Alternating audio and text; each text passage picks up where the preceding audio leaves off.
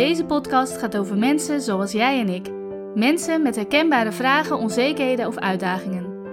Om hier meer grip op te krijgen, gingen zij mee op Art-Based Learning avontuur in het museum. In deze podcast delen zij hun ervaring en vertellen zij hoe één kunstwerk impact op hun leven heeft gemaakt. Want kunst kan jou helpen om echt even stil te staan, met jezelf in contact te komen en te luisteren naar dat fluisterende stemmetje van binnen wat al lang het antwoord weet op jouw vragen.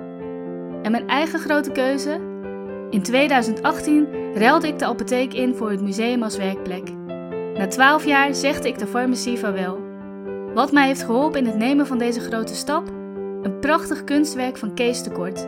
Ik stelde de vraag of ik gefaseerd uit de farmacie zou stappen of in één keer. Jullie weten inmiddels het antwoord. Luister vanaf aflevering 11 naar de inspirerende verhalen van andere deelnemers. Vast en zeker dat je vragen zult herkennen. Ik, Roemene Schepers, neem je mee in de wonderenwereld van art-based learning.